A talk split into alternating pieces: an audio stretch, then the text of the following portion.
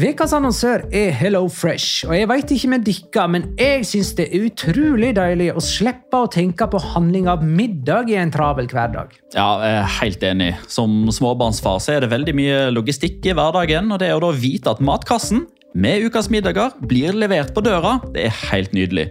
Da slipper du impulskjøp på butikken når blodsukkeret er lavt, og når du kommer hjem, kan du bare ta ut posen med dagens ingredienser fra kjøleskapet og sette i gang matlaginga.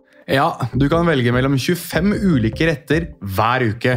Og de har faktisk en egen kategori som heter Raskt og enkelt, med masse enkle og gode oppskrifter. Veldig greit å ikke måtte ty til takeaway hver gang det er hektisk på jobb. Jeg gleder meg spesielt til sterk chilikylling i min neste kasse. Jeg blir sulten bare av å tenke på det. Ja, Det er ikke feil med bacon og cheeseburger heller, da. Og det som også er bra, er at matkassen koster det samme hver uke, som gjør det enklere å holde matbudsjettet. Ja, og så blir det ikke matsvinn heller, fordi du får akkurat det du trenger til hver eneste rett. Hello Fresh kan absolutt anbefales, og bruker du koden vår, LIGALOCA, kan du få opptil 1779 kroner i rabatt på de fem første matkastene hvis du ikke har prøvd Hello Fresh tidligere. Du kan også prøve koden hvis du har avslutta abonnementet ditt for tolv måneder siden eller mer. Gå inn på hellofresh.no og bruk koden LIGALOCA. Bon appétit! Hallo? Jeg kommer fra Oslo politikammer. Ine Jansen er purk. Er du purk? The motherfucking bitch. Alt jeg vil, er å finne ut hva som skjedde med mannen min. Jon Carew. Er jeg sikta for noe? Iben Akeli. Det er du. Ole So, Lars Berrum og Big Daddy Karsten. Hvem sin side er du på, egentlig? Anette Hoff, Tone Danielsen, Kommer du fra Afrika? Jørnis Josef, Nesten. Kløfta. Trond Espen Seim. Det er synd å si det, men det var feil mann som døde. Purk. Premiere tirsdag på TV2 Play.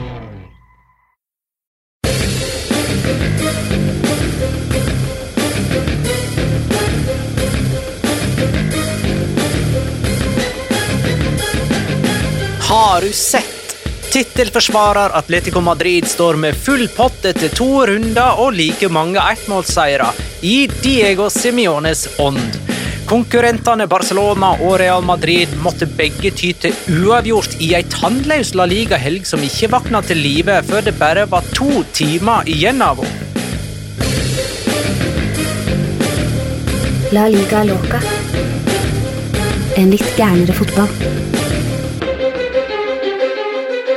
Ja, ja, ja. Dette er La Liga Loca episode 171 av det ordinære slaget med Petter Veland, hei. God dag, god dag! Jonas Giæver, hei. Shalom in the home. Og Magnar Kvalvik, hei. Halla, Magnar. Hei. Smalltalk talk Ja, vi er litt på overtid i dag, eh, som eh, Twitter-følgerne våre på Atla Liga Loca vil vite nå hvert øyeblikk. Eh, fordi Petter Wæland måtte tvitre at Florian Andone er tilbake i, eh, i La Liga. 25 minutter på overtid, takk Petter, men nå er vi i gang. Og eh, litt av greia med disse her overgangstweetene til Petter er jo at han skal ha med diverse fakta i dem, og han klarte altså ikke å finne ut hvorfor Florin Andone spilte så få kamper forrige sesong, så derfor måtte han gjøre en hel masse research før vi kom i gang. Eh, nå får dere det til å høres ut som at jeg brukte 25 minutter på dette her. Det er jo bare tull. Jeg, jeg tar eh, syv minutter maks av de 25. Jeg vil bare si at historien vår er bedre enn det sannheten er. Det er helt riktig. Ja. De er som regel det. Ja, ja. Så til alle som måtte lure hvorfor epis denne episoden kom ut så seint eh, på mandagskvelden, så er det Petter sin Den er 25 minutter forsinka ene og alene pga. Florian Andone og Petter Wæland. Men det er ikke så lenge siden vi eh, twitcha, eh, for vi hadde Levanteria Madrid som vår Twitch-kamp denne runden her. Den kampen starta jo søndag klokka 22. Eh, Vi var ferdig halv ett Ja, natt Hva til vi- mandag. Hva vi gjør for spansk Nå, fotballinteresserte. nå jobber vi, altså! Nå er vi på jobb! Ja, vi mener det. Men nå går vi gjennom uh, runde nummer to, kamp for uh, kamp. Uh, fredag klokka 21 spilte Real Betis og Cádiz 1-1. Både Betis og Cádiz har spilt 1-1 i begge sine oppgjør. For Cádiz betyr det at de for første gang i historien står uten tap på de to første kampene i en primærsesong. Ja, og altså, Manuel Pellegrini var så sint han etter den kampen her. Altså, rolig, sindige, forsiktige, kjærlige bestefar Manuel Pellegrini. Klikka helt, han. Han sa at man måtte slutte, slutte å holde på sånn som man gjorde i den kampen her, fordi at eh, man var i ferd med å bli en skam for fotballen. Ene og alene fordi at det var så mye stopp i spillet, og at eh, de da hadde gått igjennom eh, dette dommerkurset, eller dommergjennomgangen før sesongen, der de fikk beskjed om at fotballen eh, i Spania aldri hadde blitt spilt saktere enn noen gang, og at dette var grunnen til det, det Cádiz holdt på med. Men eh, Manuel Pellegrini var liksom en sindig, rolig, beherska kar fram til Malaga røk ut av Champions League i 2012, var det det? Mot, Mot Dortmund. Dortmund. Etter det så har han klart å klikke med jevne mellomrom. Det var liksom den første klikken som på en måte brøt en slags klikkebarriere for han. Ja, kanskje det er rett der. Eh, To synspunkter her. Eh, Den ene er at han, han, har jo, han, han er inne på noe, definitivt. Ja da. Eh, altså, I La Liga så er det nå litt for lavt tempo, og det er pga. at det er mye stopp i spillet. Eh, naturligvis er det klimatiske forhold her òg. De spiller i mye varmere temperaturer, så spillerne blir slitne og utnytter det, naturligvis. Det andre aspektet er den dagen han uh, uttrykker seg på samme måte etter en kamp de har vunnet, da skal jeg høre på han. Ikke når det blir 1-1 på hjemmebane mot en underdog. Kan man også da bare ta med veldig kjapt den der frekke varianten hans med å ha poloskjorta nede i jeansen? Den er altså så sylfrekk for en mann på godt over 60. Godt over, ja, han er jo, han er jo Han er pensjonist. 67, Ja, Ja. godt over 60, sa jeg. snart 70. Ja. Eh, I denne kampen da, så skåra Alvaro Negredo på straffe for Cádiz. Eh, Rui Silva redda først, men han hadde tatt føttene ut fra streken, og dermed fikk Negredo en ny sjanse å skåre. Juanmi utligna ti minutter seinere. Styrmann spørre, når skal Iglesias børja å skåre mål. Ja, den er ganske fin, den. Jeg liker den. Er den ganske fin? Ja, jeg synes den er ganske fin. I, i, i, I min verden så er den ganske fin. Eh, kanskje han eh, han, var, han får jo sannsynligvis en, en annen utfordrer nå. Eh, det er jo en eh, dominoeffekt på gang eh, blant Ja, ja. spisser i La Liga nå. Eh, vi kan jo bare ta det først som sist. Det virker jo som at eh, William José drar fra Real Sociedad til Real Betis. Derfor drar Loren Moron fra Real Betis til Español. Å, herregud. Og derfor er Real Sociedad noe interessert i å hente Luke de Jong. Så her er det stol stolleik blant eh, spisser. Stolluk. Eh, men er det Nå sist en spiller gikk Jeg vet ikke, jeg vet ikke Magne, jeg er sliten. Jeg er dritsliten. ok? Og Jeg sitter og venter i 25 fuckings minutter på å begynne denne episoden her pga. Florin fuckings Andone. Uansett, eh, Når var sist en spiller gikk mellom eh, Español og Barcelona? Er det noen som har koll på det? For det kan ikke jeg komme på i det hele tatt. Hvem er det som har gjort det? Nei, det- Jo, ikke Ivan de la Peña, det. Nei, s- Jo, men hvor, eh, Nei, selvfølgelig, han gjorde ikke det. Nei, Jeg, jeg tenkte jo at eh, Luke de Jong var plutselig Barcelona-spiller. Nei, det er det- Ja, jeg blander. Ja, og- ja uh, Vi er, det, det, er, det, er, det er sent, Petter. Det er sent. Det er mandag. Det er mandag. Ja, det er halv sju. Det er veldig seint. For oss uh, små barn så er det det. eh, Alaves Mallorca 0-1 Jeg var ikke ferdig. med Cádiz. um, Den var- fortsetter vi med Mekadis, som altså har skaffa seg eh, Andone. Eller? Eh, Nei, det, det er vi ferdig med. Men altså, liten honnør til det sportslige utvalget der, som på et, et eller annet eh, merkelig vis har klart å finne en fantastisk midtstopper fra Aserbajdsjan. Ja, bra. Varazat Ayroyan. Altså, han ser jo ut som han ikke har gjort noe annet enn å stange vekk baller i tolv år. Det Ja, er jo helt rått. Der kan jeg komme med en morsom fact i så fall. Eh, han er vel den første spilleren fra Armenia, vel, siden Shota Arvelatse spilte i Levante for mange herrens år siden. For jeg kunne ikke komme på en spiller fra den nasjonen i La Liga noensinne. Shota Var ikke han fra Georgia? Var ikke, men er, var ikke han armener òg? Lubingan spilte for Armenia. Eller blander jeg igjen nå? Hvis det er, hvis det er tredje fuck-up med nå Nei, altså, du, du har helt rett i at uh, Haroyan er fra Armenia. Ja. Uh, jeg sa jo uh, Kasakhstan, men det var jo fordi han ble henta fra Astana.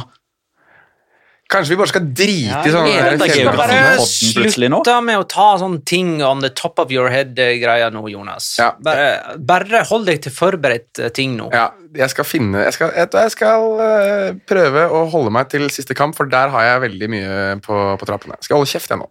Jeg er ferdig med Betis og Cardis nå. Alaves Mallorca 0-1. Fer Ninjo, matchvinner for eh, Mallorca. 20-åringen som nylig ble henta på lån fra Villarreal. Han skåra altså i Mallorca-debuten, og han skåra i det samme målet og på den samme keeperen som han skåra på da han debuterte i premiera for Villarreal i 2020. Um, for det var jo òg borte mot Alaves. Da skårer han for øvrig etter bare 114 sekunder på banen. Ja. Det er litt typisk Viareal å låne ut sånne spillere som de kunne hatt så enorm nytte av sjøl. Vi får se hva store konsekvensene blir. Eh, Mallorca har tatt fire av seks mulige poeng. Alaves har tapt begge sine kamper, begge på hjemmebane. Ja, og etter spill og sjanser så var det ganske fair at uh, Mallorca vant. Granada-Valencia 1-1. 1. Luis Suárez skåra for Granada. Det er altså den eh, andre Luis Suárez. Carlos Soler utligna på straffe for Valencia. Eh, det er andre runde på rad at Valencia får straffe, der en virkelig må fram med lupe for å spore den minste kontakt mellom den angivelige synder og det angivelige offer. Eh, greia med Valencia forrige sesong var at hvis det var lagt til seks minutter av kampene deres, så skåra de ti minutter på overtid. Greia deres denne sesongen er tydeligvis spøkelsesstraffe. Ja, riktig. Ingen kommentarer på den. Nei, spøkelsesstraffe, hva tenker du på Var, var den så tvilsom, altså? Gaia Altså, den, den som Cherishev fikk for, eller mot Retafe i første serierunde, den var vi alle enige om, var veldig, veldig tvilsom. Ja, det, ja men det, det, det er derfor jeg ikke helt skjønner at den blir satt i samme bås. Nei, Men jeg det var da må ikke si imot. Ja, jeg sier imot, Uh, men jeg sier at det, var litt, det er litt moro, for jeg liker sånne kamper hvor du har en spiller som spiller mot en klubb han er koblet til. Uh, og nå er jo Dimitri Fouquier er jo nå på det nærmeste virker jo å kunne bli Valencia-spiller. Og det syns jeg er litt sånn gøy, sett, satt i kontekst av at eh, han strengt tatt ikke var så veldig imponerende den kampen her, syns jeg. Nei. Da går vi videre. Konspirasjonsteorier, Magnar. Konspirasjonsteorier. Espanjol Villarreal 0-0. Det er ellevte gang dette århundret at disse spiller 0-0 mot hverandre. Det er med andre ord det oppgjøret som oftest ender målløst i La Liga. Eh, Begge lag spilte dessuten 0-0 i første runde og Español mot Osasona og Villarreal mot eh, Granada. Jeg vet i alle fall, i alle fall hvilken kamp jeg ikke skal se neste runde. Ja, Veldig bra, Magnar. Jeg er helt enig. Jeg er så, jeg er så skuffa over Spanjol. Jeg har sittet og venta på at der skal det bare komme en, et, et fyrverkeri av et lag som vil vise seg. Det er så blodfattig og kjedelig. De er drittkjedelige. Og nå har vi gått to av de duellene jeg har gledet meg mest til av spisser, med R.D.T. mot Chimiavila 0-0. Og så samme mann mot Gerard Moreno 0-0. Jeg er drittleie! Ja, og det er serierunde to! Det skal sies at Voley faktisk skåra her med begge hender, og han kunne ikke forstå hvorfor den ble annullert. Nei. Ja, den var, den var ganske drøy. Og det skjedde jo det, nesten samtidig som eh, Granada fikk den skåringa annullert. Eh, det var litt gøy å se de to kampene samtidig. Ja, de gikk jo Eh, samtidig, faktisk. Ja. Mm. eh, med dramatikk i begge ender. Granada fikk en skåring annullert på overtida ja, mot eh, Valencia. Det òg var vel for hens, faktisk. Uh, offside.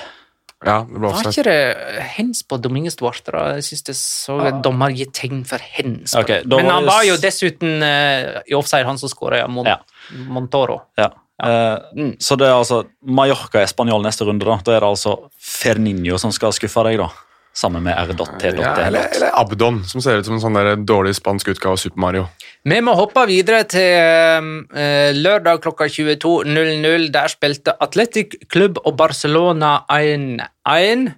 Uh, ikke mange mål, men ganske underholdende kamp likevel. Inigo Martinez skåra for Atletic i det 50. minutt, og så utligna Memphis Depay med sitt første primæremål i sin andre kamp. Eh, Erik Garcia ble utvist for Barcelona etter å ha felt eh, veslebror Williams av typen Nico på vei mot eh, mål. En litt sånn desperat inngripen på slutten av kampen. Vi kommer vel tilbake til den etter hvert. Søndagen starta med Real Sociedad Rayo Vallecano 1-0. Mikkel Oyarzabal på straffe for eh, Real Sociedad, som reiste seg da etter 4-2-tap for Barcelona sist. Alexander Isak var tilbake for Real Sociedad og starta kampen uten å skåre, da. Syns veldig synd på Rayo-keeper eh, Ståle Dmitrievskij, som regelrett fikk juling av flere spillere den kampen. her. Han fikk i hvert fall kneet til David Silva planta rett i tinningen, og så hadde han en annen vel, mot, som også smalt veldig hardt i. Ja, altså, Isak hadde en stor sjanse der han skjøt i trynet på han. Ja, også, ja, Ja, og Isak eh, Ja. takla han jo i knehøyde òg. ja. Han var jo heldig at han fikk eh, Var det i samme situasjon, kanskje? Nei, Nei. det var uh, Ja, ja. De har i hvert fall Nei, en god keeper. Han er, han er til å stole på. Den kjørte jeg under EM og fikk ikke kreditt av deg. Nei, jeg, Alle mener at jeg stjeler fra før av uansett, så jeg tar den her òg, jeg. Atletico Madrid Elche 1-0. Angel sa 'hvor er alle måla?' Og så tok han saken i egne hender.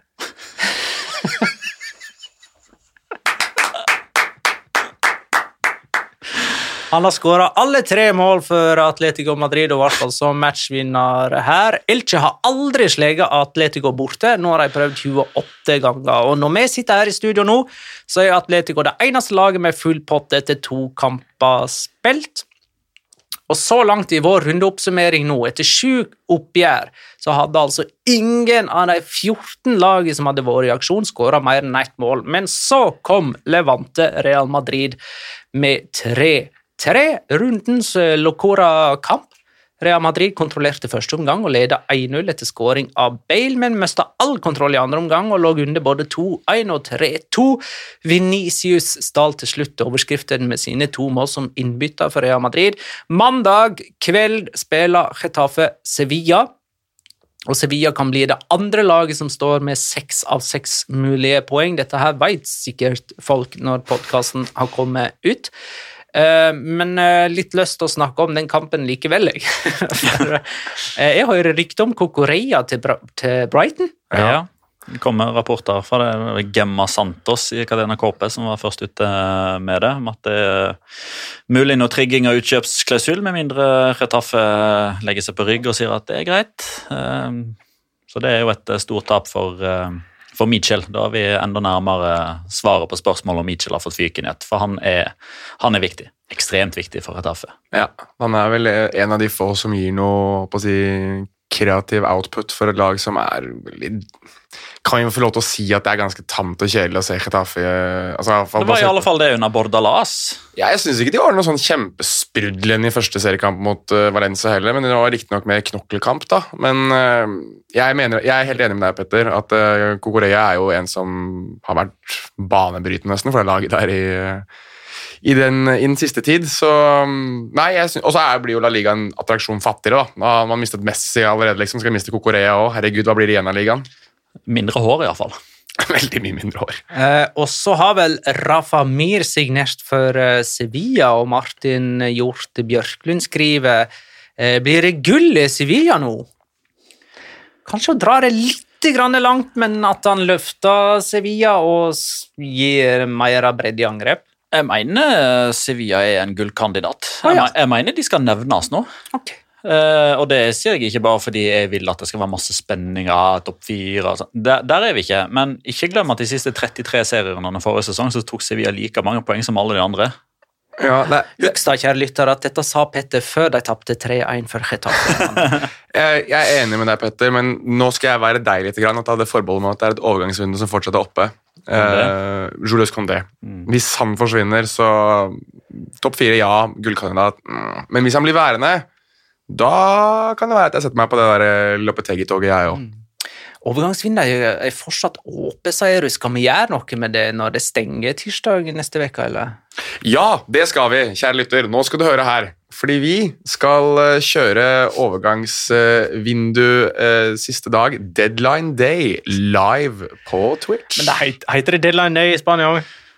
Ultima dia del mercado heter det der. Ja, jeg tenkte jeg skulle prøve å bruke litt det trademarket vi har fått opplært i vår oppvekst. Uh, Ultimo dia del mercado slash deadline day slash siste dagen av overgangsvindu får du live Slash cierre de ventana. Ja, riktig. Får du på Twitch med oss eh, tre. Nå husker jeg ikke lenger eh, hva Twitch uh... Det er La Liga Loca Pod. ja, Twitch.tv slash La Liga Loca Pod.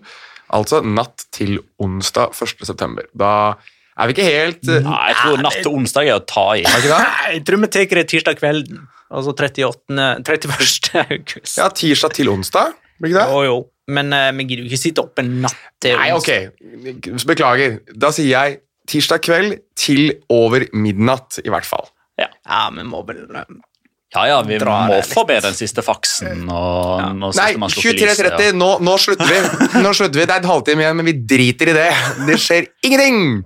Men eh, det, det er greit. Eh, det er greit. Da eh, kan vi ta noen av kampene litt nærmere i øyesyn. Altså de som eh, ble, av de som ble spilt nå i helga. Atletico Madrid er altså serieleder med sine ettmålsseire. De kunne jo endelig løfta trofeet fra forrige sesong framfor um, eget publikum. Ja. Er det noe jeg skal påminne om at de ikke har forsvart ligatittelen på 70 år? Ja, hvis du har tenkt å gjøre det hver gang, Ja. hver episode de neste ni månedene, så Var det eh, den eh, De hadde en sånn krans, eller sånn eh, Blomsterkrans. blomsterbukett. Var det, var, det, eh, var det like mange blomster som det var eh, sesongkortinnehavere som hadde gått bort under covid-19? Ja, Ja. stemmer. Ja. Også, sånn um, 370 et eller Det er mye Ja, folk, ass. ass. Det var veldig mange, men det er klart det var jo en del av de som var på den der eh, sagnomsuste kampen på Anfield. da. Mhm. Supersmittekampen. Det er vel den og Atalanta Valencia som vel har gått igjen som Og så er de det to største, og så EM-finalen nå, da, naturligvis. Og så er det viktig å ta med at veldig, altså Spania har jo mistet enormt mange under covid-19, og at det sikkert veldig mange av de sesongkortinnehaverne kanskje også var av det litt eldre, litt eldre segmentet. da. Uansett, jeg syns det var en fin gest, og jeg syns det var også fint med han eh, fiolinspilleren, som kom, fiolinisten, som kom inn og spilte hymnen. Så jeg likte, likte hele rammen. Kampen var ikke så veldig morsom, syns jeg, men jeg syns rammen rundt den var fin. Si litt om kampen, da. Er det noe å si? Det, Nei, Det er ikke så veldig mye å si der. altså Du har Atletico Madrid som har 42% ball hjemme mot Elche og har åtte avslutninger i løpet av en kamp. Der skjer du. Eh, dette var litt sånn tilbake til eh, la version gris. Eh, og da mener jeg ikke griseversjonen, men den grå versjonen av eh, Atletico Madrid. Der det er et par enkeltmannsprestasjoner som skiller de fra Elche. Naturligvis å krydre med en for å sitere vår gode venn Endre Osnes, det var gigantisk høl i den racketen til Kiko Kasia når han kom ut og bomma på ballen der. Det er jo en, det er jo en gratis scoring, men som vi alle vet, fotball handler primært om én ting. Det er å utnytte motstanderens feil. Ja, men eh, jeg vil også bare få tatt med at den der lille finta til Angel Correa før han legger den i mål, den hvor han bare sender alle sammen vekk på streken der, og så dytter han opp i krysset Med utsida. med utsiden av foten, det er Han er kald når han får den gratismuligheten. sikkert som en kodebrikke, Eh. som eh, Endre Ylebekk ville sagt. Og eh, målgivende av eh, Rodrigo de Paul, Ja. som eh, starta sin første kamp for Atletico Madrid siden overgangen fra Odinese. Ja.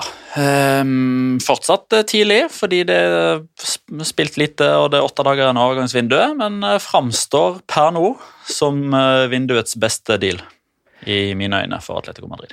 En overgang som så langt gjør at Atletico ser litt sterkere ut denne sesongen enn forrige sesong. Ja, nå ser det jo som at de skal spe på med Matheus Cunha òg, som jeg er veldig svak for eh, etter å ha sett han i Hertha Berlin. Jeg Kan du fortelle oss litt om han? Jeg har ikke sett så mye om han. Han var vel i OL i Tokyo for Brasil òg, var ikke han det? Ja, og så har han vært sur etter han kom tilbake inn dit, så han har jo på mange måter aktivt streika seg bort fra, fra Hertha Berlin. Han var drita dårlig mot Köln. Eh, Men det er, liksom, det er ikke representativt for hvordan han er som spillertype. Han er jo en, eh, han er en brasilianer. Han er høyt og lavt. Eh, Han er veldig blid og veldig sur. Det er en humørspiller eh, som har uh, Han har jeg vet ikke om det er Angel Correa som har litt Mateos Cunha i seg, eller om det er Mateos Cunha som har litt Angel Correa i seg. De ligner litt på hverandre i form av at Se for deg at du har Angel Correa ute på banen, og hvordan han spiller. Ja. Så er det ganske mye Mateus Cunha i det. Eh, Bare at jeg syns han er enda mer ekstrem i form. Altså, Mateus Cunha har et målsnitt som i større grad er sånn som Angel Correa sitt har blitt nå. Ok, ja. Og for 30 millioner euro, som det rapporteres om, så er det en eh, potensiell kjempedeal. I alle fall sammenligna med at de da antageligvis måtte ha brukt det dobbelte ja. hvis de skulle ha henta Vlaovic. Ja, men det er det som er poenget mitt. Jeg bare får sagt det, at uh, Vlaovic høres ut som en spiss som er av helt annen profil. Altså, Vlaovic er jo en stor, sterk uh, brøytebil av en spiss, mens Mateos Cunha åpenbart ikke er i nærheten av det. Nei. Så ja, nei, litt interessant. Og Mateos Cunha er jo også veldig ulik fra Rafa Mir, som ja. Atletico Madrid òg valgte bort. Så jeg vet ikke helt om den røde tråden der har vært så veldig rød. Det har liksom vært Vi trenger en spiss. Ja, hva slags type? Vi trenger en spiss. Det er litt sånn som lagoppstillingen deres i disse dager. Nå var jo Kondogbia nede og spilte midtstopper igjen nå, så skjønner ikke en dritt jeg hva Altså, holder på. Diego Simone har jo gått fullstendig pep. Det er jo bare midtbanespillere. Overalt, nesten. Skjønner ingenting. Jeg gir opp, jeg. Men jeg las en god artikkel i The Athletic av Dermot Corrigan her i dag. Eh, Der han påpeker at eh, litt av forskjellen på Atletico nå versus da de sist vant La Liga i 13-14, er at laget deres ser sterkere ut i den påfølgende sesongen, mens den gangen så mista de jo David Villa, Dio Costa, Thibaut Courtois, og noe lignende var det jo da de vant eh, ligaen nå i 95-96. Det gikk ikke lang tid før hele den gjengen var oppløst og spredt for alle vinder. Og så var de i sekundene noen år etterpå. Ja, ikke sant? Eh, og mens Atletico eh, for en gangs skyld liksom ser sterkere ut etter å ha vunnet La Liga, så har Barcelona og Real Madrid slitt med sine eh, overgangsvinduer, eller ja, overgangsmarked. Jeg er enig. Jeg er enig. Interessant. Jeg syns Altså, det er, jo, det er jo noe solid da, over Atletico Madrid. Altså, vi kan godt tulle og fjase med det at de rare formasjoner og litt sånn uten rød tråd og sånn, men jeg har en sånn feeling når jeg ser Atletico Madrid, at dette vinner de. Altså, det, det, er, det er ikke spesielt gøy, det er ikke spesielt spennende hele tiden heller, men jeg har en sånn feeling at de vinner fotballkamper. Og de har blitt litt mestere på det bare å finne den enkleste, minst eh, kraftanstrengende måten å vinne kamper på, og så gjør de det. Og så gjør de kanskje det syv-åtte ganger på rad, virker det som. Det er helt sikkert feil, sikkert, eh, sikkert aldri skjedd at de vunnet syv-åtte på rad, men det er den feelinga man sitter med. At de, de taper sjelden fotballkamper. Og det er jo noe som husker hvem som sa det, men, men det er jo, en, det er jo en, en kvalitet i seg selv. Det at Hvis ikke du kan vinne, så pass på at du ikke taper. Eh, Jørn Henland spør har Atletico noen åpenbare svakheter. Ja, det er jo det at de fortsatt faller inn i et spor der de kan ha 42% ball og bare åtte avslutninger hjemme mot Elche. Og så synes jeg, men Det kan jo være at eh, Konya kommer inn og ordner det, da, men jeg syns de mangler en markant målskårer. Han ikke Suarez utpå der. Ja, Men, men han spør òg er de per dags dato det sterkeste laget i, i ligaen. Jeg mener det. Og vi har jo satt dem opp som ligavinner med Mm. på tabelltipset, så svaret er vel ja. Nei, Jeg syns Sevilla ser dritgode ut òg, jeg. da. Hvem? Sevilla. Ja. Jeg syns de ser skikkelig gode ut. Så ja, de er, Med tanke på at det er blitt spilt 90 minutter med Sevilla-fotball, 180 med Atletico Madrid, så får jeg vel si Atletico Madrid, men det kan fort endre seg i løpet av denne kvelden her. Det vil vår lytter vite. Tre, tre kjappe innstikk her nå. Jonathan Viera er tilbake i Las Palmas. Ja, veldig bra. Utrolig gøy. Jules Condé starter for Sevilla, så der er det ikke overgang på trappene. Marco Correa starter ikke for Retafe. Der er det en overgang på trappene. Det vet du, lytter, når du har uh, fått denne podkasten, for da har alt dette skjedd. Ja, dette var breaking uh, news klokka ti på sju mandag klokka 23, mandag 23. august. Eh, ja, Angel Correa har altså skåra alle alle tre mål til Atletico Madrid. Han er den første som skåra de tre første Atletico-målene i en sesong, siden Falcao gjorde det i 2011. Mm, og dette var Atletico Madrid sin hundrede kamp på Wanda Metropolitano.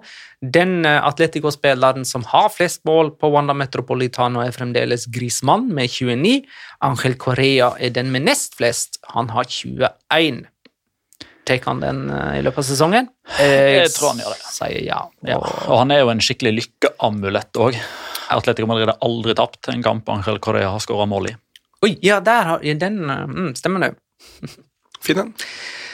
Ok, Atletic eh, ga Barcelona kamp som venta, vil nå jeg si, da, på eh, San Mames. Det ble altså 1-1 der. Eh, skal vi si at Memphis Depay er voksen for den oppgaven han har fått i Barcelona, eller? Ja. Ja, det, altså ja. vi nesten, skal vi snart innføre begrepet Memphis dependencia? ja, fin. Veldig fin. Vi må, kanskje, kanskje, vi må kanskje se Barcelona uten Memphis for å se om det er noen dependencia der, da. Men eh, ja, jeg er med deg på den.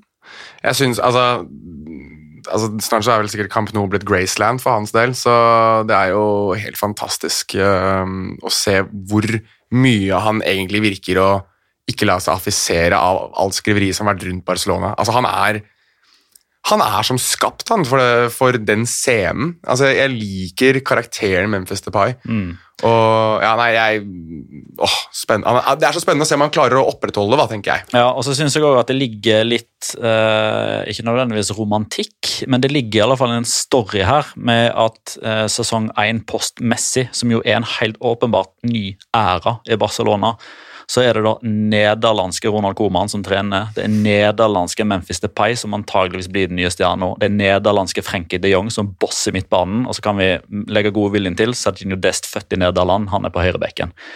Um, skal på ingen måte si at dette her blir et nytt dream team og Johan Krauf og alt dette her, men jeg ser, jeg ser noen linjer her da, som kan være fine å dra hvis dette blir bra på sikt for Barca. Men det var jo faktisk det som var æraen før Messi. Ja. Når han hadde disse De Boer-brødrene det og ikke sånn og kjempebra. Frank Rijkaard Ja, og Philip Cocu, ja. Mark van Bommel og Winston Bogarde.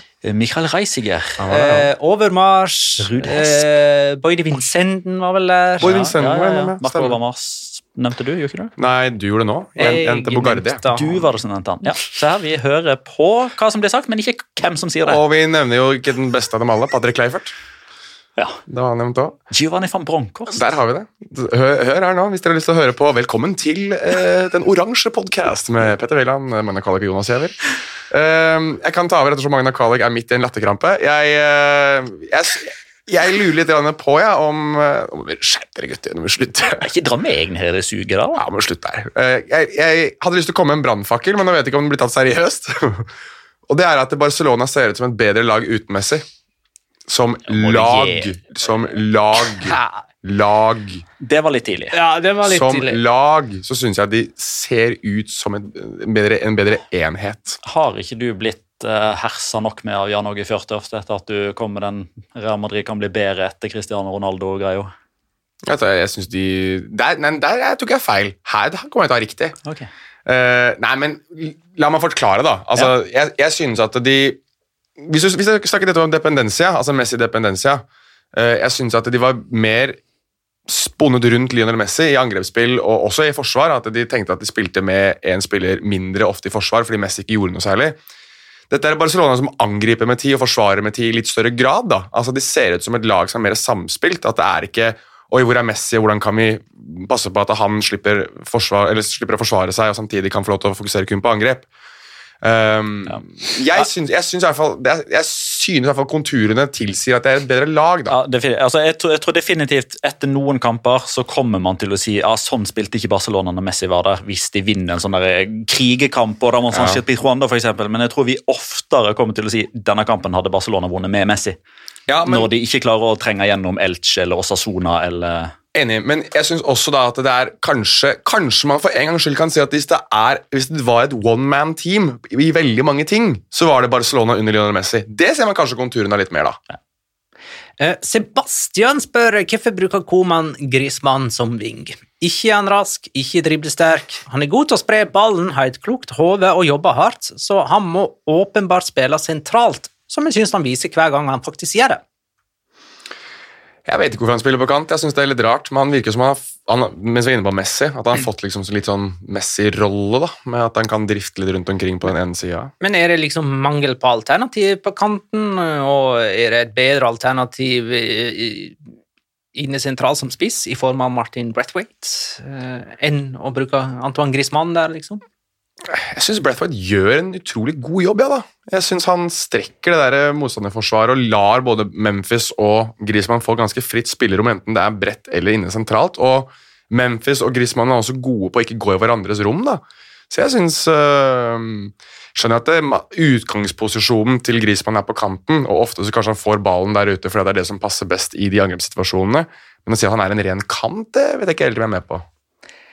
Uh, Unn Marit Datter Kjelta spør hvilket lag fikk mest boost av å spille framfor fans igjen. Eh, og Unn har Athletic Klubb-emblemet i eh, avataren, eller som avatar, er det det det heter? Og én pluss én er to. Ja.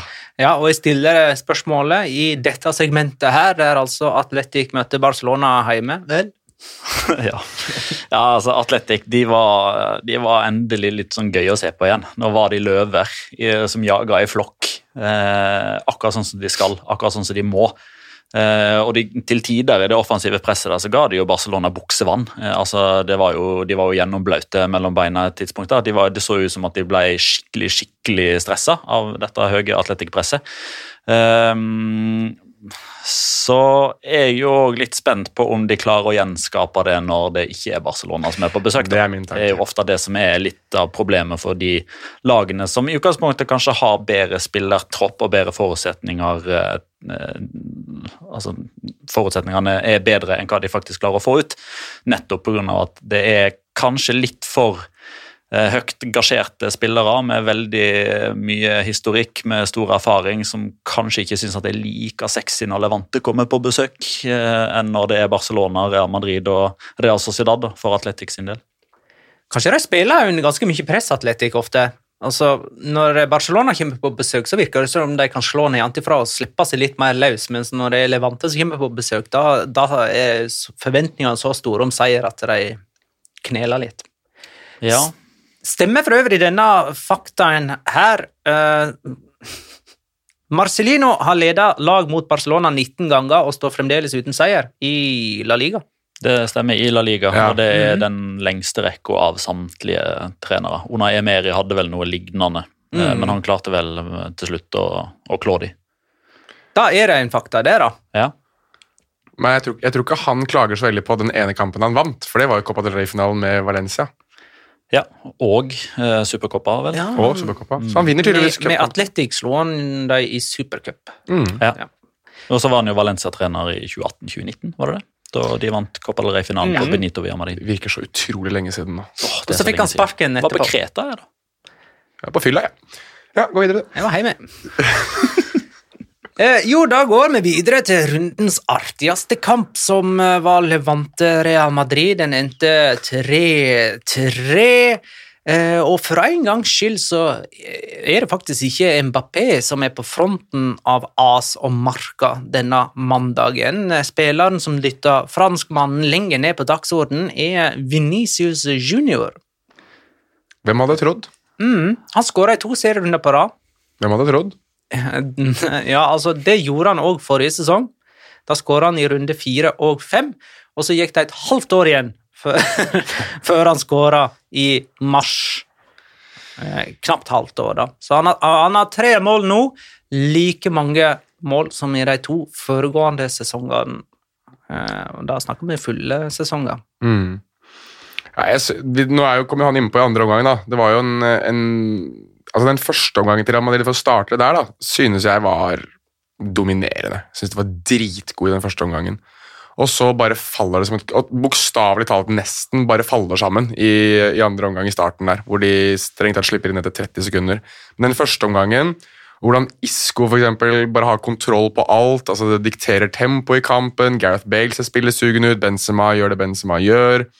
Syns forsvaret deres så god ut. Alaba var enorm på de overlappene sine, og hvordan han kom inn og lagde overtall sentralt i banen innimellom òg.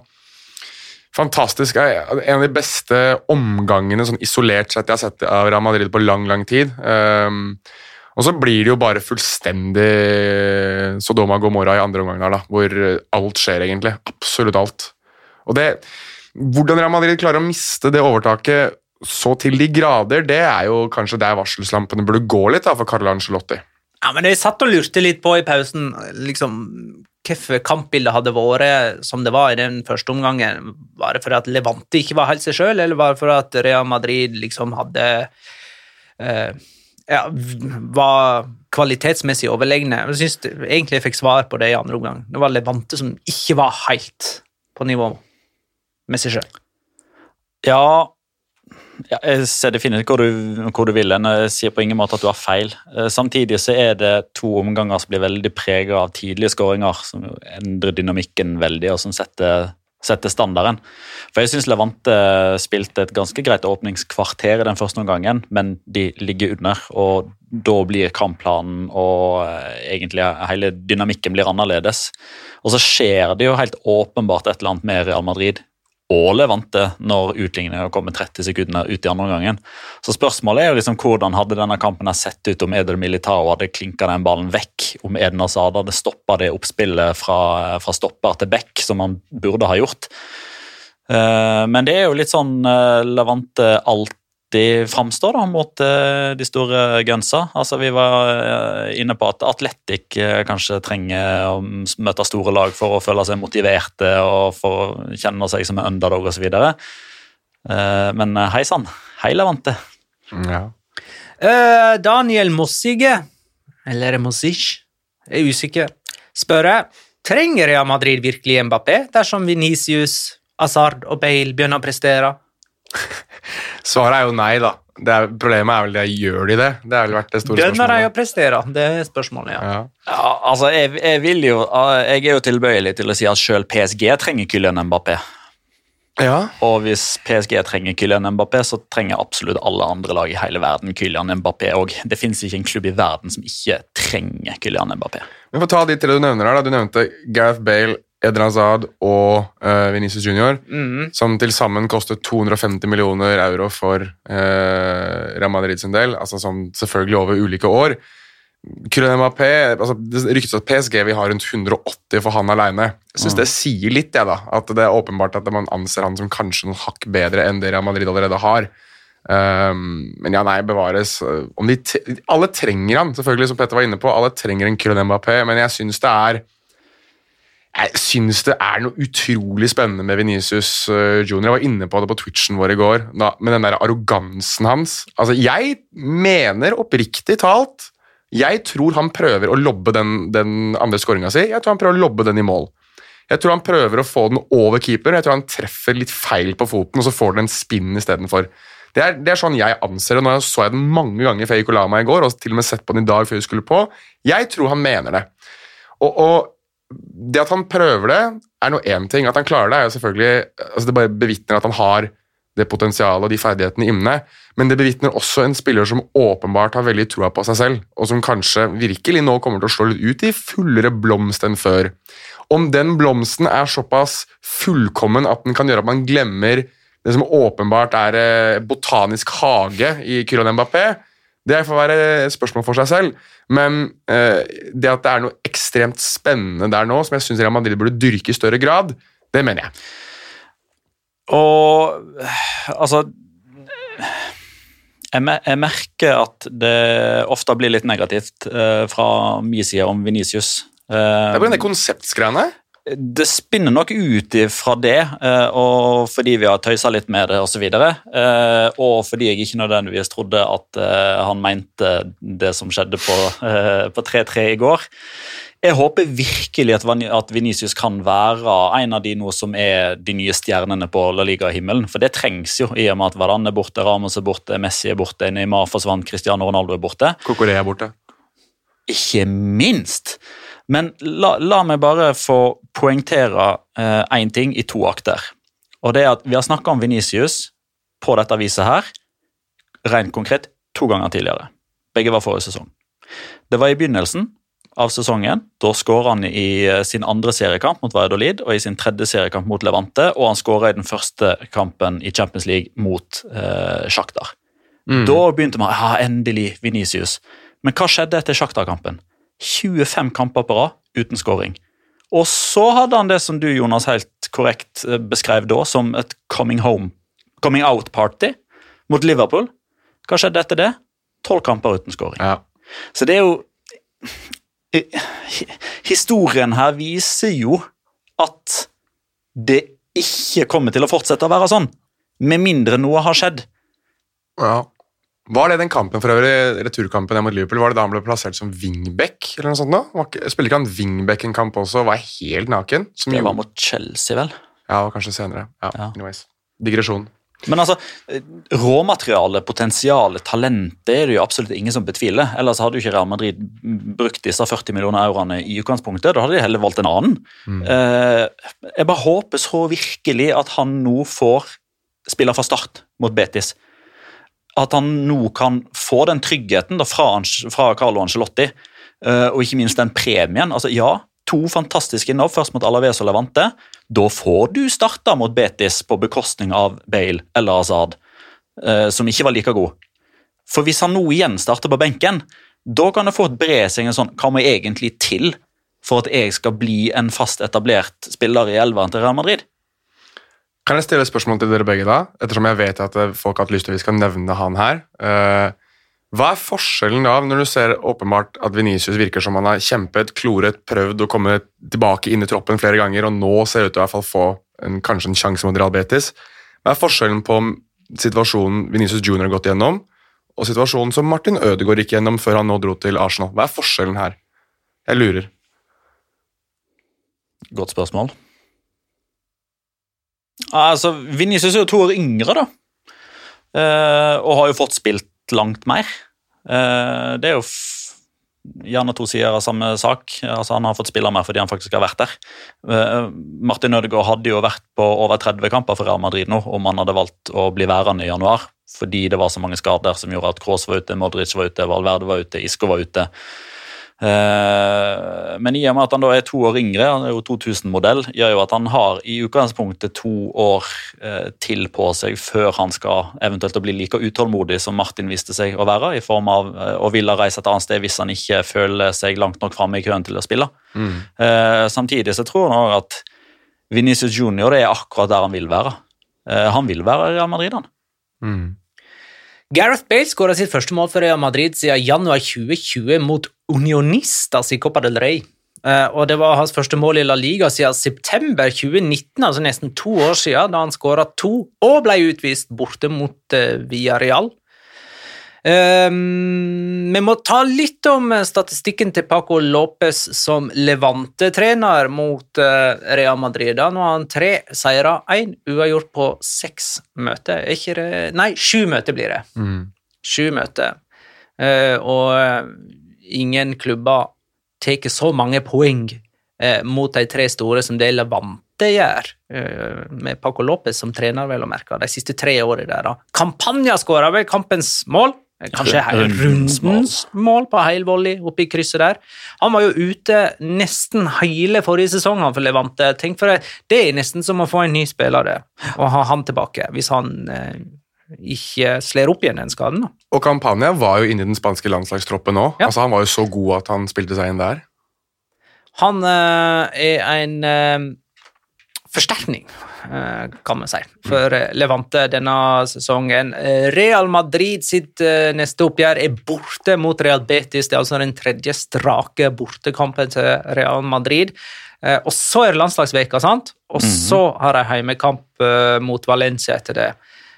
Så får vi jo se om effekten av publikum på eh, nyrestaurerte Santiago Bernabeu slår ut positivt for eh, Real Madrid. Eh, Barcelona sin neste kamp er hjemme mot eh, Getafe. Atletico sin neste kamp er hjemme mot Villarreal søndag klokka 22. Skjer det noe rundt det, eller? Det gjør det. Aha, det er Twitch-kampen vår. Det eh, Atletico, Villarreal Bønner med dag. Villarreal Atletico. Er det det? Ja. Nei, Atletico Villarreal, sier jeg, ass. Magnar Lars Ja, det er Atletico Villarreal. Faktisk. Uh, så da blir, da blir jeg nødt til å se en Villarreal-kamp likevel, da.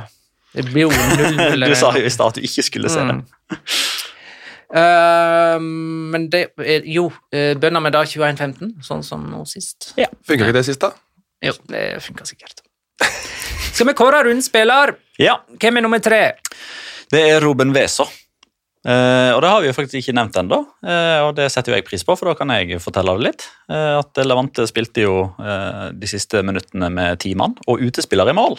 Fordi Aitor Fernandes ble utvist etter å ha stoppa Venicius Junior på ulovlig vis. Eller han stoppa ballen med ulovlig vis med hendene utenfor 16-meteren. Robin Weser spilte vel til sammen da en eh, 15-16 minutter. Seks tilleggsminutter og en 8-9 minutter i ordinær tid. Uten å få et eneste skudd mot seg. Eh, det forteller jo at han er en fantastisk keeper i form av å lede forsvaret og eh, være en keeper som har snakketøyet i orden og styrer forsvarslinja. Eh, men jeg syns faktisk han hadde en av kampens store prestasjoner rett i forkant, og kanskje blokken, var det òg derfor han ble valgt til å være keeper. Eh, For på stillinga 3-3 så har jo Real Madrid en enorm dobbeltsjanse, og den andre muligheten faller jo til Daniel Carvajal, som deljer til alt han har. Ballen har retning mål, men inn fra venstre kommer en flygende portugiser ved navn Ruben Weso og blokkerer den på sånn heltemodig vis. og Han liksom knytter nevene og jubler som om han har skåra mål. Mm. Så eh, ja. De to tingene til sammen, da, at han holder nullen som keeper og hadde den blokkeringa, gjør at han får tredjeplassen. Andreplassen blir vel da Memphis Depay, som vi har vært inne på en god del. Jeg trenger ikke å si så veldig mye mer om ham, men at han i hvert fall ikke har forsvunnet vekk fra det ansvaret som kommer av å være en angrepsforsterkning i et, Barcelona, eller i et Lionel Messi-løst Barcelona. Og som du sa, Magnar, nå har vi kanskje coina begrepet Memphis dependencia snart òg, og med grunn. Altså, ikke noe, ikke noe tull over det, syns jeg, over- overhodet. Fordi at han har blitt angrepslederen og kan være den som gjør at Barcelona-supporterne har grunn til å tro at dette kan bli en fin sesong. Og så blir Venicius Junior kåra til rundens spiller da, i La Liga Loca episode nummer 171. Han spilte jo ikke kjempemasse, men utgjorde jo en enorm forskjell. Og kanskje får han den rundens spillerprisen først og fremst for de elegante avslutningene. Altså eh, intensjon eller ei, elegante, vakre, pene, effektive avslutninger varer like fullt. Jeg vil si at eh, Du nevnte at dette er jo episode 171, og da må du egentlig legge- på av det ordinære slaget. Ja. Dette var jo ikke en Venicius Junior-prestasjon som var av det helt ordinære slaget. Nei. Som var litt uh, oppsummerende for den runden spiller. All right. Det er tid for Locora! Ukens La Liga Locura. Locura. Locura. Locura. La Liga Locura. Ja Jeg kan begynne. Siden vi, fortsatt, siden vi er på Levante Real Madrid, vi har på en måte ikke helt forlatt eh, den enda. Eh, har, jo- det, jeg nevnte det var en Locora-kamp fordi at han inneholdt eh, alt. Du hadde begge lag i ledelse, og du hadde rødt kort og eh, det meste. Seks mål, eh, ikke minst. Eh, Eh, Men det i seg selv er jo ikke sånn kjempespesielt. Det er jo mange fotballkamper som inneholder alt eh, i grunn. Eh, det jeg vil trekke fram eh, som en lokore, det er bommen til Alejandro Cantero for Levante i dette oppgjøret. Han er 21 år og var i Real Madrid-akademiet fra han var 11 til han var 16, og så fullførte han ungdomsåret i Levante sitt akademi, og er dermed for produkt av dem å regne. Han spilte bare fire seriekamper forrige sesong og har ikke skåra i La Liga. Her kunne han altså ha, gjort, ha avgjort kampen til 4-2 for sitt Levante mot Real Madrid. Han runda keeper og hadde åpent mål, og så setter han altså den i stolpen. Ja, ja. Det kommer nye muligheter. Det gjør det. Eh, nye muligheter kan det også oppstå for min del. for Min locora var jo egentlig den Ferninho-sammenkomsten som du var inne på her nå i stad, med debuter og skåringer mot Alaves, men jeg har jo en backup, og eh, jeg har sett mye fotballkamper uh, fra La Liga i mange mange år. Uh, jeg kan ikke komme på en kamp i La Liga der jeg har sett flere ulike søramerikanske nasjonaliteter på banen samtidig enn Atletico Madrid mot Elche. Nå må vi ta, ta med da at Elche er jo en søramerikansk konklave nå. Altså Kong Christian Bragarnik av Elche har jo bare flyttet hele Sør-Amerika til Elche. Men jeg nevner i fleng, altså vi kan begynne med Atletico Madrid. Uruguayanske eh, José Mahiménez, du har argentinske Rodrigo de Paul og Ángel Correa. På benk byttes inn er uruguayanske Luis Suárez og brasilianske Renan Lodi. Treneren deres er argentinske Diego Simione. For Elche så startet da eh, Eliberton eh, Palacios og Johan Mojica på hver sin bekk. Pettersen favorittfarge Eliberton, som han mener at er eh, Hallibalton. Halliburton, ja. Chilenske Enzo Rocco i midtforsvaret. Ivan Marcone og Lucas Boyer, begge to fra Argentina, startet også. Og selvfølgelig, som ikke det var nok, så skulle de slenge på to argentinere til, Guido Carrillo og Dario Benedetto. Du får det ikke mer søramerikansk om du hadde hatt eh, Plancha, Maté og Parisha til hele eh, bøtteballetten. Jeg har aldri sett så mange ulike søramerikanske nasjonaliteter på en og samme bane, tror jeg, i La Liga. Kult. Tilbake til Ciutat de Valencia, da, folkens.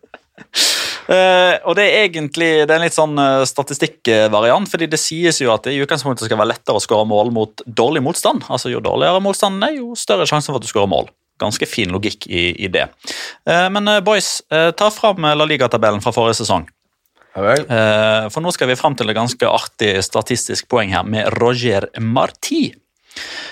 For på La Liga-tabellen forrige sesong, hvis vi tar topp ti, så er det ett lag som skal byttes ut, og ett lag som skal byttes inn. Eh, Og Hvis man da gjør den øvelsen, så har man per definisjon de ti største og beste klubbene. Ja. Granada skal ut, og okay. Valencia skal inn. Når man gjør Sånn, jeg tenkte kanskje at vi skulle få i oppgave å ta den, men ok. Ja, ja, men jeg, den- jeg hadde sagt det. Granada ut, Ja. Valencia inn. Ja, den er åpenbar. Her skyter vi inn åpne dører. La oss si at det er topp ti største klubber i La Liga, for det er det. Med tanke på størrelse, historikk eh, osv. Ja, ja, ja, ja, ja. Mot de ti lagene så har Roger Marti skåra 26 av sine 41 mål.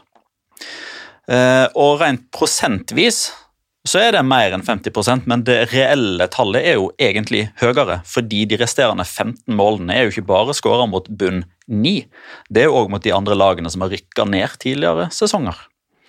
Så Roger Marti blant annet skåra fem mot Valencia, han skåra fire mot Real Madrid, han har skåra to mot Atletico Madrid, tre mot Villarreal. Så når motstanderen er god, sett pengene på at Roger Marti skårer mål.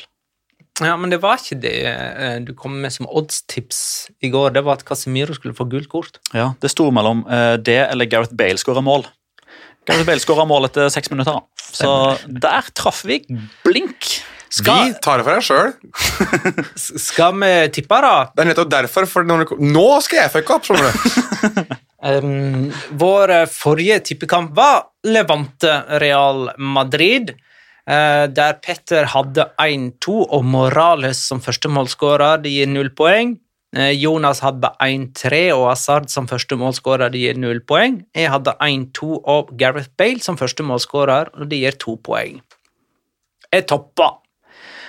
Eh, og har jo vunnet denne konkurransen de ti, to siste årene. De ti siste årene har Magna Kvalik vunnet denne tippekonkurransen. Eh, Men hva blir eh, neste tippekamp, da? Eh, Skal vi La, la meg bare få foreslå da at vi tar Betis Real Madrid som tippekamp siden Twitch-kampen eh, Twitch-kampen eh, Atletico Villarreal, Ja. som vi jo antageligvis kommer til å tippe på på Twitch. da. Ja. Ja, det er greit. Så ingen helgardering denne gangen.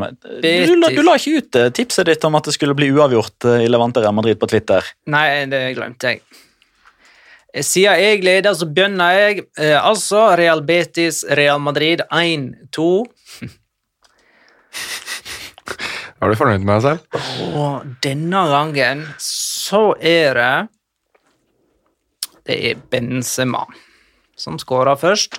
Petter Real Betis, Real Madrid 2-2. Samme som jeg skulle si det òg. Ja. Uh, og styrmann, aka Pandaen, dobbel-AK, Borja Iglesias, skårer først. og eh, Jonas, du skulle egentlig ha fått gått før Petter nå, ser jeg, men eh, Oi, sånn. er foran Petter? Nei, dere har jo like få poeng, altså ingen. Ja, altså null. Og, så er det liksom bare av gammel vane at jeg lar deg tippe sist. Så alfabetisk så skulle Jonas vært foran.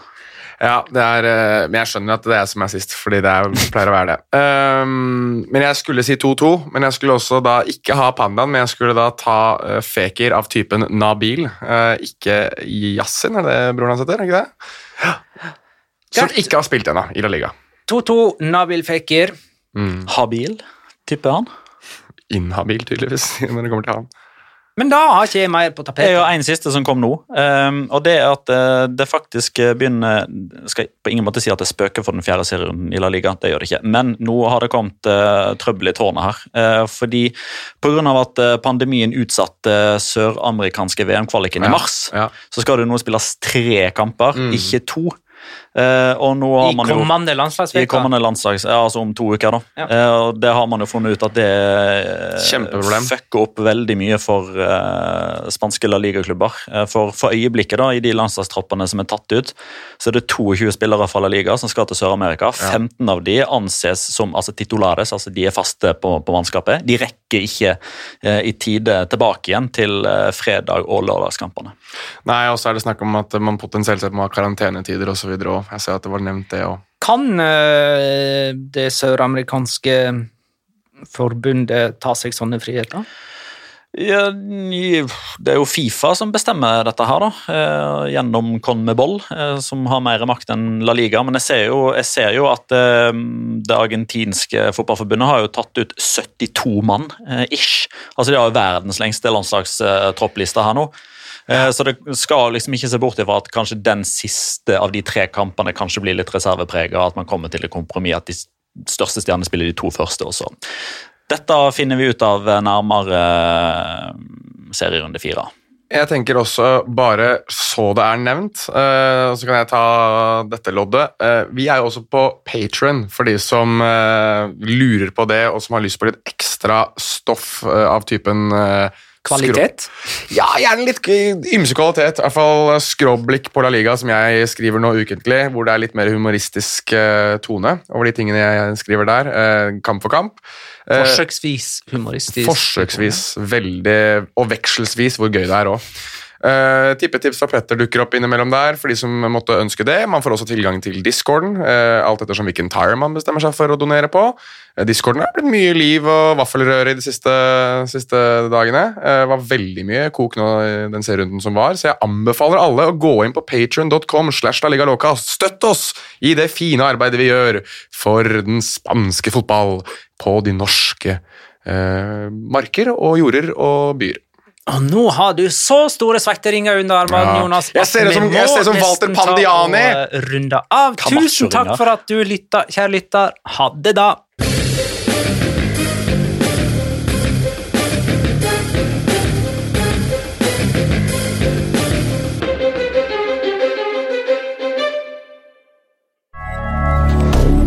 Moderne media.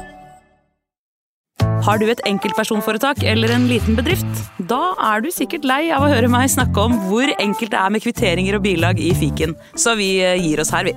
Fordi vi liker enkelt. Fiken superenkelt regnskap.